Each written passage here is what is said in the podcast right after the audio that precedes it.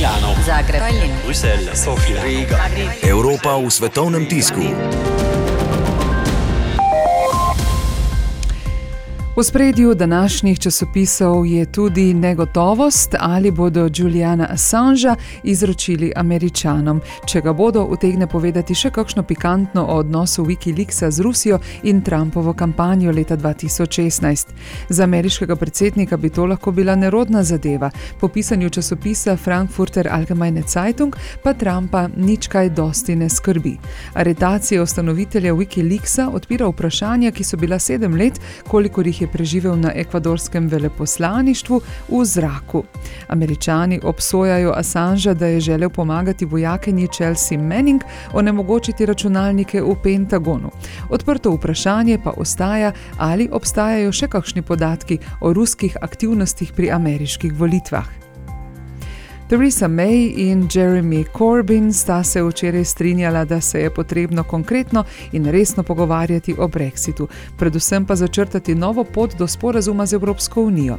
Vodja laboristov je bil znova kritičen do premijejke. Novo preložitev brexita je označil za diplomatsko napako in enega od mejnikov napačnega ravnanja vlade v procesu celotnega brexita.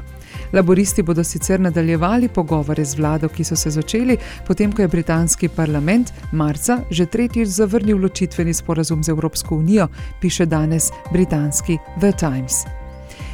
Naše finance pa razkrivajo, kakšen je bil v povprečju lani davčni primež v državah OECD in v Sloveniji. Pri nas je bil malo več kot 43 odstoten, v državah OECD pa 36 odstoten. V nadaljevanju boste našli odgovore na vprašanja, koliko smo obdavčeni v Sloveniji in kako je z obdavčitvijo plač v drugih evropskih državah. Za koliko nas je stisnil davčni primež od začetka krize, kolikšen delež bruto plače na račun prejme slovenec in koliko Avstrijec, Nemec ali Slovak, ter kakšne davčne spremembe se obetajo letos in kaj nas čaka v prihodnjem letu.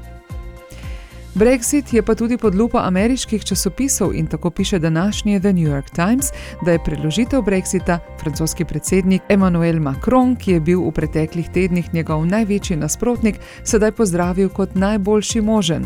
Po njegovem mnenju je omogočil ohranitev enotnosti 27-terice in 31. oktober je ključen datum, saj se takrat začne mandat novi Evropski komisiji. Nemška kanclerka Angela Merkel pa je včerajšnje srečanje pozdravila kot zelo dobro, saj so članice ohranile enotnost. Milano, Zagreb, Tallinn, Bruselj, Sofija, Riga. Evropa v svetovnem tisku.